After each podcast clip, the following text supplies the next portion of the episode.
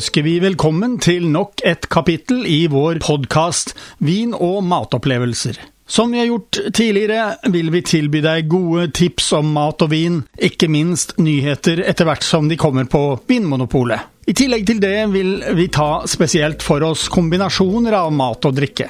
Vær så god, det er servert. Og her sitter jeg sammen med Tone og Janka, og eh, begge har vært eh, flittige gjester i Gjestehuset i Radio Riks Oslo. Og eh, da eh, har vi da fått for, foran oss tre gode viner, vil jeg påstå. Det er tre franske, men de kommer fra ja, i hvert fall to forskjellige vinområder.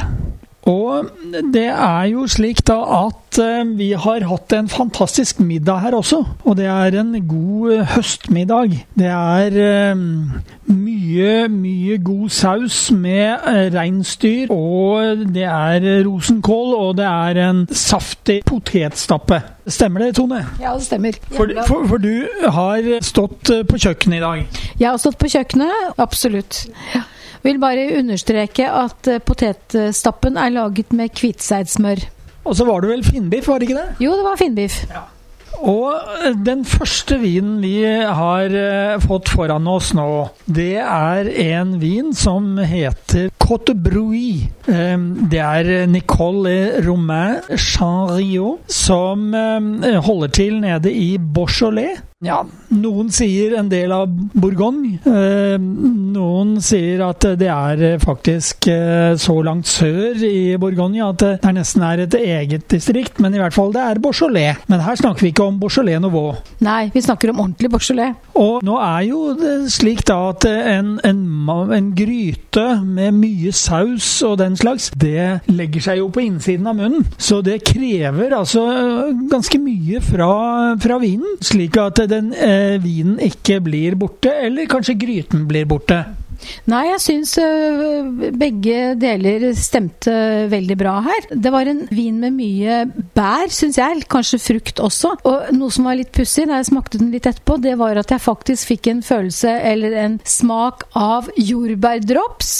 Jordbær og bringebær er uh, ting som ofte går igjen i viner av gamedruen, som er hoveddruen i Beaujolais. Og det som er interessant med en Beaujolais-vin eh, fra Gamay-druen, det er jo nettopp dette at eh, det er en drue som har lite garvestoffer. Kjente du mye til garvestoffene her? Nei, jeg gjorde ikke det, og det var, eh, det var positivt. Da gjetter vi på at det var en ekte Beaujolais-vin. Men i hvert fall, dette var en vin. Vi sa det var Den het Cote Brui. Det var Nicole et Romain Chanriot som hadde laget den. Det er eh, en vin fra Beaujolais, og den koster altså 250 kroner. Når vi kommer opp i den prisklassen, så eh, vil nok mange da forvente at dette er en eh, perfekt vin. Hvordan opplevde du den? Den tok seg absolutt opp etter hvert, så jeg syns det, det var en veldig god vin. Det skal sies at uh, den hadde nok stått uh, ganske lenge i romtemperatur, norsk romtemperatur, god varme. så, uh, så, jeg tror den ble servert noe varm, og ville fått mer struktur hvis vi hadde da kjølt den litt ned. Hvis den hadde stått litt ute på terrassen, så kunne det da bli eh, kanskje litt mer struktur på den. Det er lenge siden jeg har smakt en, en eh, kjøligere Beaujolais, men jeg syns at det var veldig mange smaker som kom frem. Og Janka, hva opplevde du med denne vinen? Jeg syns den var veldig velsmakende. Ingen eh, tanniner. Jeg er ikke enig med deg at den eh, maten her eh, krevde det heller. Men den er eh, veldig velsmakende. Lett og smaker veldig eh, absolutt av bær. Ikke sånne mørke bær for så vidt, men jo, jo, kanskje bjørnebær. Men altså bær. Veldig behagelig vin. Da skal vi forflytte oss til Råndalen. Og da har vi forflyttet oss til Rånalen. Gården eh, Domain Barou ligger i Nord-Rån, mellom 70 og 80 km sør for Lyon. I 1971 startet Alexis Barou vinhuset, og hadde en plan for en total konvertering til økologisk landbruk. Begge de vinene vi får smake fra dette vinhuset i dag, de er økologiske.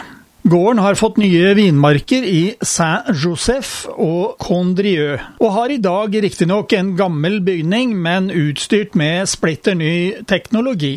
Den første er en Barou Cuvée de Verne, årgang 2019. Den er laget av 100 syradruer. Det er jo en eh, standarddrue i dette området. Og hvordan syns du den passet til, eh, til fløtesausen her? Eh, det var en ganske kompleks vin, og en ganske krevende vin, egentlig. Jeg syns den hadde ganske mye garvesyre. Eh, men, men alt i alt så matchet den maten bra. Så den ble ikke slått i bakken av, av mye, mye, god saus og sopp og reinsdyr? Nei, pluss rosenkål og tyttebærsylte. Nei da, det gikk fint. Janka, hva, hva, opplevde du med den? Jeg opplevde at uh, første gangen, første sluken jeg tok sammen med mat, så sa jeg at uh, jeg syns den ble borte. Sånn sett at uh, den, den, laget ikke noen ny sånn symfoni sammen med maten. Det var, det var helt greit, men den ble på en måte litt sånn, litt sånn borte. Andre gangen, andre biten, så syns jeg ikke at den ble borte, men da syns jeg at den passet fint. Ja, jeg syns også det. Den eh, hadde en god struktur, og hadde vi servert den da eh, litt kjø eh, kjøligere, så hadde den eh, kommet eh, fram mye sterkere. Da hadde syren eh, i vinen fått virke og laget en, en bedre struktur.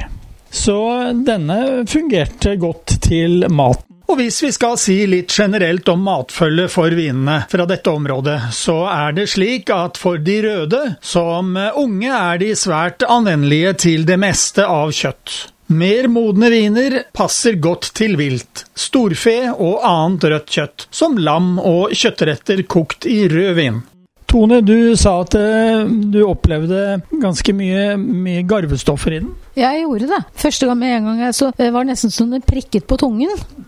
Og det kan jo passe godt til mat som har um, mye fløte og fettstoffer i seg. Så um, ja, den, den, fungerte. Vi kan ta med at vinekspertene mener dette er et godt kjøp til denne prisen.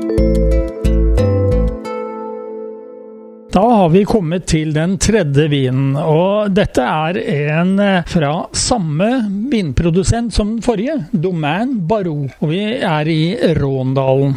Og eh, den eh, heter da så mye som Unotre monde Saint-Joseph.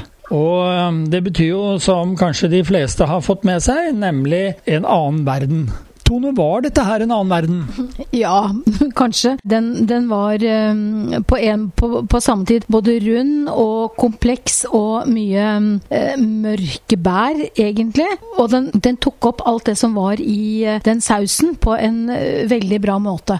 Ja, For dette var jo også da en ren syrravin. Og syrra er jo en drue som de fleste sier vil gi et inntrykk av krydder. Opplevde du det? Ja, jeg gjorde vel det. Og Janka, eh, hvordan opplevde du denne vinen? Det var den vinen som definitivt hadde mest eh, garvesyre. Den passet fint til, eh, til maten. Jeg syns ikke det var noe krydderpreg på denne heller. Ingen av disse vinene har hatt krydderpreg, syns jeg men definitivt mye garvesyre. Men det er liksom eh, både en vin med mye garvesyre og, og den aller første Beaujolais som ikke hadde garvesyre, de gikk sammen med maten likevel. Ja, og det vil jeg bare støtte deg i, fordi jeg eh, opplevde jo alle disse tre vinene som, som eh, viner med mye smak. Og dermed så ble det ikke slått i bakken av mye fett i sausen, fettstoffer. Og den aller siste, den hadde da såpass mye smak at eh, den balanserte maten veldig bra. Eh, det er mitt inntrykk. Er du enig i det, Tone? Ja, jeg er helt enig, faktisk. Mm. Men da har vi altså hatt et eh, strålende måltid, og vi har fått testet tre viner. Og vi, vi, var vel stort sett enige om at dette var viner som vi godt kan anbefale. Da har du fått dagens podkast fra Radio Riks Oslo om mat og vin. Hvis du ønsker å abonnere på den, slik at du får den automatisk når nye blir lagt ut, kan du gjøre det. Kommende mandag får du neste kapittel. Vi høres!